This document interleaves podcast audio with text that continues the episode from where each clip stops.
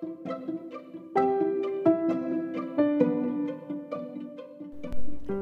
back to my podcast, This Talking with Dr. Fovia. Today we're talking about psychology in 19th century. Di bab ini, eh, pendengar diharapkan mampu menguasai atau mampu menjelaskan beberapa hal setelah mendengarkan bab 4 ini, yaitu mampu menjelaskan pergerakan kegiatan ilmiah yang memiliki pengaruh langsung pada perkembangan psikologi. Yang pertama yaitu fisiologi, penelitian di bidang syaraf, otak, dan panca indera. Yang kedua, psikofisik yaitu studi mengenai hubungan antara stimulus fisik dan penginderaan dari Weber, Fechner, dan Helmholtz. Yang ketiga yaitu teori evolusi, teori dari Darwin, Spencer, dan Galton yang terakhir yaitu munculnya psikologi modern.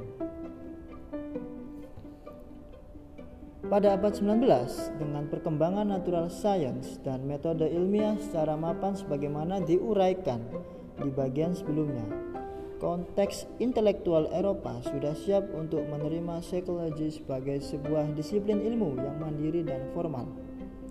Tanah kelahiran psikologi adalah di Jerman, oleh karenanya, munculnya psikologi tidak dapat dilepaskan dari konteks sosial Jerman dan orientasi intelektual Wilhelm Wundt, orang pertama yang memproklamirkan psikologi sebagai sebuah disiplin ilmu. Yang pertama, konteks konteks sosial Jerman. Konteks ilmiah Jerman pada abad 19 ditandai dengan mulai berdirinya institusi universitas dengan misinya untuk membentuk manusia berkualitas, yaitu berbudaya dan memiliki integritas, dan penyedia tenaga kerja yang profesional. Ilmu psikologi didefinisikan sebagai disiplin ilmu yang menyumbang pada pembentukan Bildungsbürger, culturally ideal Jerman, sebagai sebuah ilmu yang hubungannya paling dekat dan paling langsung dengan manusia. Psikologi berada di antara dua kepentingan, yaitu hubungannya dengan ilmu-ilmu yang konkret dan aplikatif dan hubungannya dengan ilmu-ilmu kemanusiaan seperti filsafat dan teologi. Wundt sendiri menganggap psikologi sebagai bagian dari filsafat. Namun dengan berkembangnya karir pribadinya, ia mulai menentukan batas-batas yang dapat dilakukan PSI atau sebagai sebuah ilmu alam, khususnya psikologi eksperimen. Dasar berpikir Wundt tentang psikologi menunjukkan bagaimana posisi psikologi dalam dua kepentingan itu sendiri. Baginya, kesadaran manusia atau consciousness terdiri dari elemen-elemen, namun elemen ini tergabung dalam kesatuan yang lebih besar melalui human will. Yang kedua yaitu riwayat dan pemikiran Wundt. Wilhelm Wundt yang lahir pada tahun 1832 dan wafat pada tahun 1920 dilahirkan di Neckarau, Baden, Jerman dari keluarga intelektual. Ia menamatkan studi kesarjanaannya dan memperoleh gelar doktor di bidang kedokteran dan tertarik pada riset-riset fisiologis. Ia melakukan penelitian di bidang psikofisik bersama dengan Johannes Müller dan Hermann von Humboldt. Karya utamanya pada masa-masa ini adalah Grundzüge der Psychologischen Psychology atau Principles of Psychological Psychology pada tahun 1873 hingga 1874. Wundt memperoleh posisi sebagai profesor dan mengajar di Universitas Leipzig, di mana ia mendirikan Psychological Institute. Laboratorium psikologi didirikan pada tahun 1879, menandai berdirinya psikologi sebagai sebuah disiplin ilmu ilmiah di awal berdirinya laboratorium ini, Wundt membiayainya dari kantongnya sendiri sebagai usaha private. Setelah tahun 1885, lab ini baru diakui oleh universitas dan secara resmi didanai oleh universitas. Laboratorium ini berkembang dengan pesat sebelum akhirnya gedung hancur dalam Perang Dunia Kedua.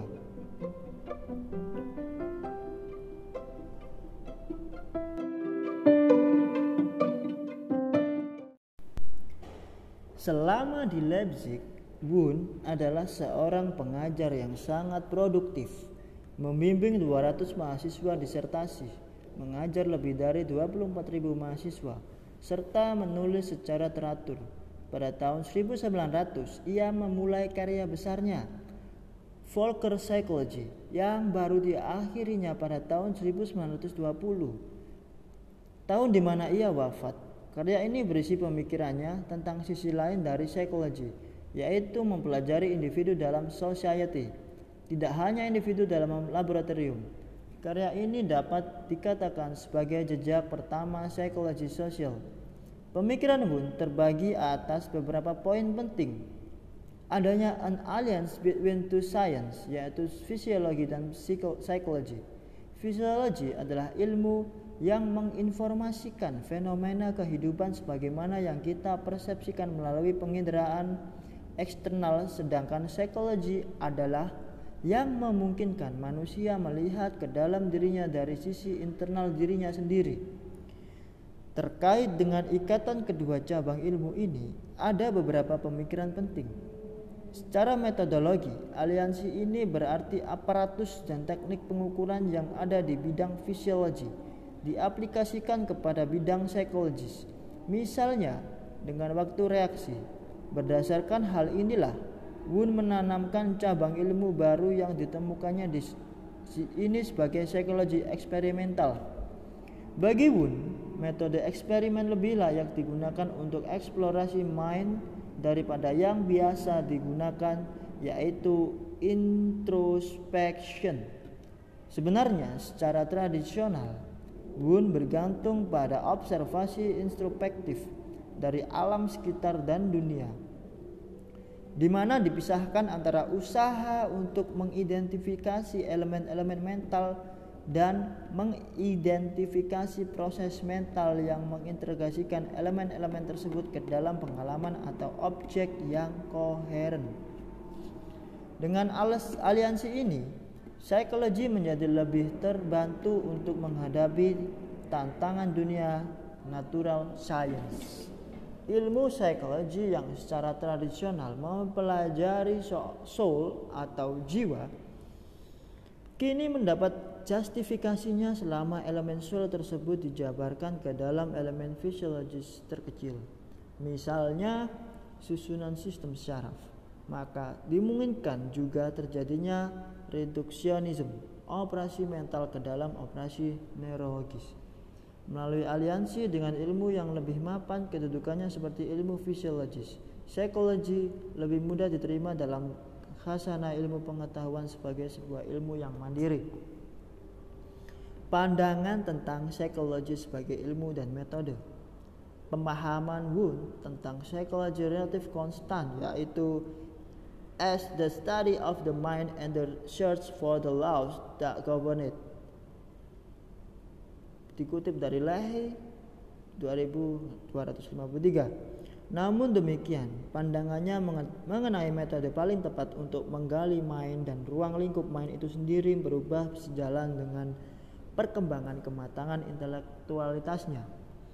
Pada awalnya, Wun menggolongkan bahwa main mencakup proses-proses ketidaksadaran atau unconsciousness sebagai karakteristik dari soul Metode eksperimen adalah jalan untuk membawa penelitian tentang mind dari level kesadaran consciousness kepada proses-proses yang tidak sadar.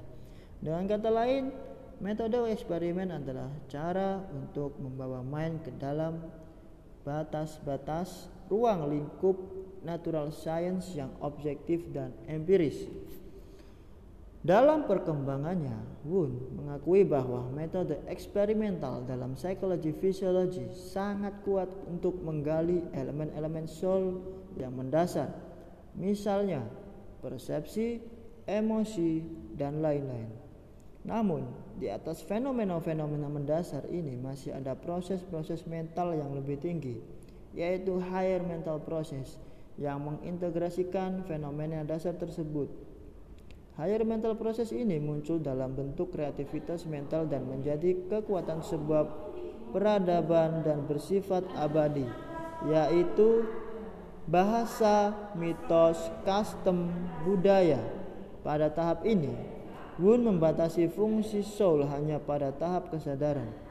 Proses-proses for psychology adalah fokus pemikiran Wun selanjutnya.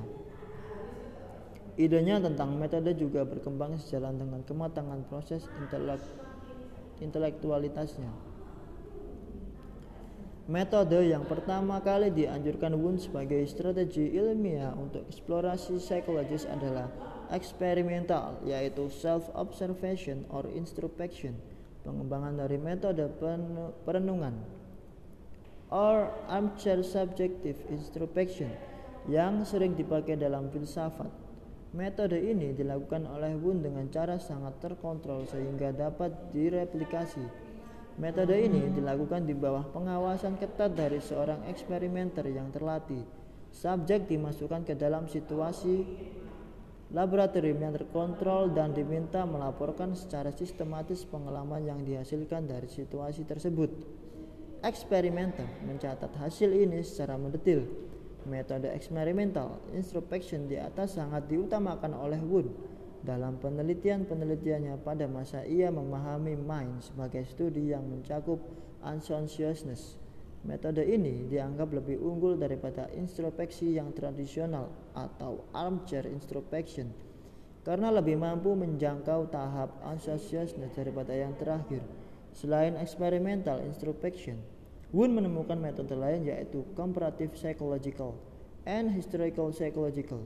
Metode experimental introspection hanya bermanfaat pada subjek dewasa yang normal. Untuk anak-anak, binatang, dan individu dengan gangguan kejiwaan dilakukan comparative psychological guna melihat perbedaan mental mereka. Sedangkan historical, historical psychological adalah metode untuk melihat perbedaan mental individu dari ras dan kebangsaan yang berbeda. Sebagai seorang yang dipengaruhi pemikiran Darwin, Wun percaya bahwa perkembangan psikologis individu dapat dipelajari dengan cara melihat sejarah perkembangan manusia itu sendiri. Pada saat pandangan Wun tentang mind terfokus pada level kesadaran, metode introspection mulai dibatasi penggunaannya dan Wun beralih pada metode eksperimen laboratorium modern di mana yang dipentingkan adalah kemungkinan duplikasi yang eksak.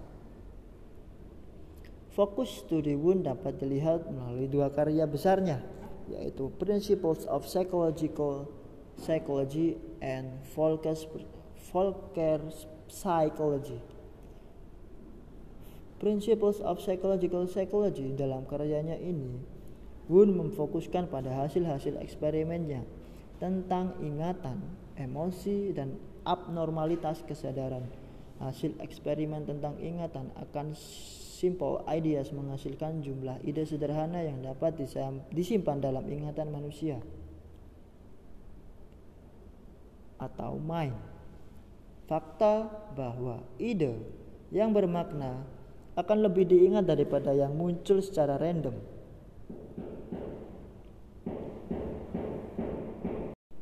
Serta karakteristik dari kesadaran manusia yang bersifat selektif. Konsep penting yang muncul adalah apperception, suatu bentuk operasi mental yang mensinteskan elemen mental menjadi satu kesatuan utuh. Juga berpengaruh dalam proses mental tinggi seperti analisis dan judgment. Study Wun tentang Emosi dan feelings menghasilkan pembagian kutub-kutub emosi ke dalam tiga dimensi. Yang pertama yaitu pleasant versus unpleasant. Yang kedua yaitu high versus low arousal. Yang ketiga yaitu concentrate versus relaxation attention. Teori ini dikenal sebagai the three-dimensional theory namun bersifat kontroversial.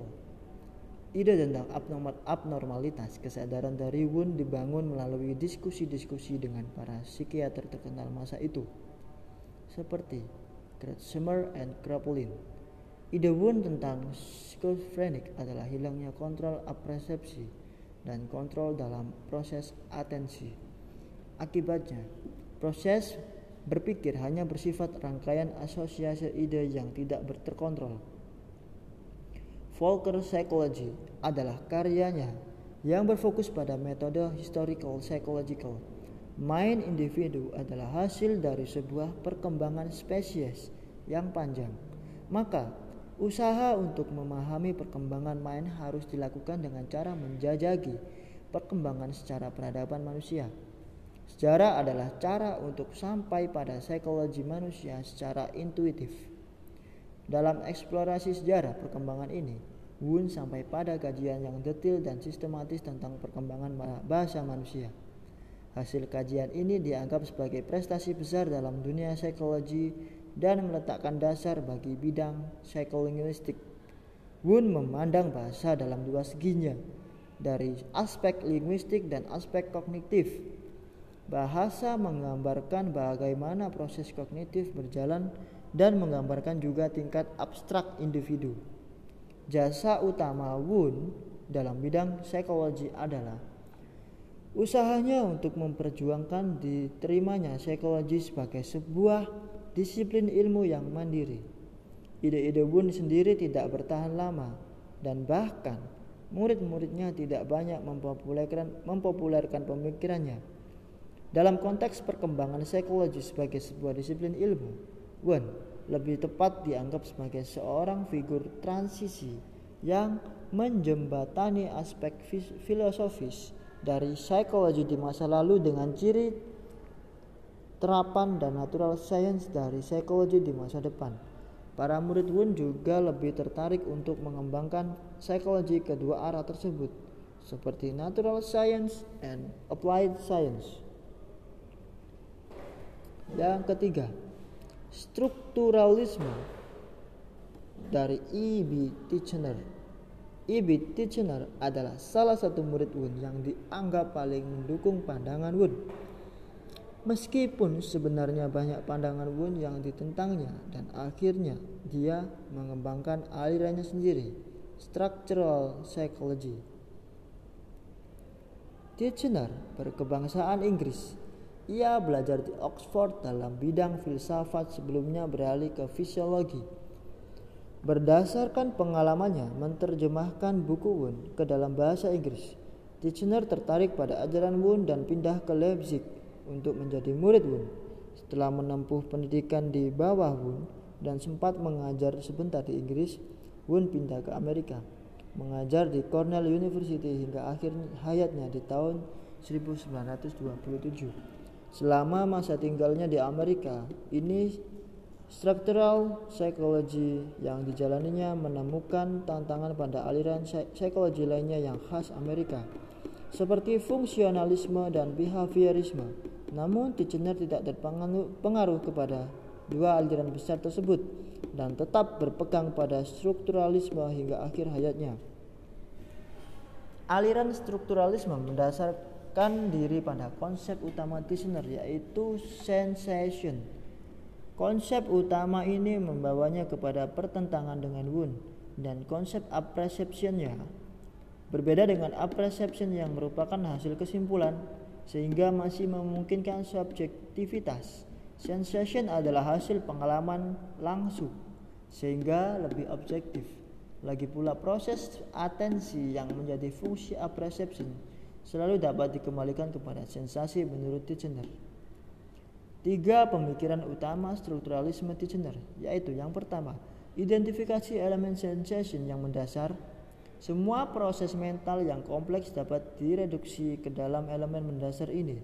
Sebagai contoh, Titchener menemukan 30.500 elemen visual, 4 elemen pengecap, dan sebagainya. Titchener menggunakan metode experimental introspection untuk menggali elemen sensasi dasar ini. Metode yang dipelajari dari Wundt namun, di tangan Titchener, metode ini lebih elaboratif karena sifatnya tidak hanya deskriptif tetapi juga analisis yang retrospektif. Identifikasi bagaimana elemen dasar sensasi ini saling berhubungan dengan membentuk persepsi, ide, dan image yang kompleks. Hubungan ini bersifat dinamis dan selalu merubah sesuai dengan berubahnya elemen dasar. Jadi bukan proses asosiasi menjelaskan bekerja bekerjanya mind. Titchener tidak setuju bahwa mind dijelaskan melalui proses psikologis, higher mental process. seperti yang dilakukan Wun. Mind harus dijelaskan berdasarkan proses fisiologis, yaitu aktivitas asisten aktivi atau aktivitas sistem syaraf. Karena proses fisiologis lebih observable daripada proses psikologis. Aliran strukturalisme tidak berkembang menjadi aliran yang besar. Aliran ini menghilang bersamaan dengan wafatnya Titchener. So that's all about bab 4. Thank you very much for your listening and see you for next podcast. Wassalamualaikum warahmatullahi wabarakatuh.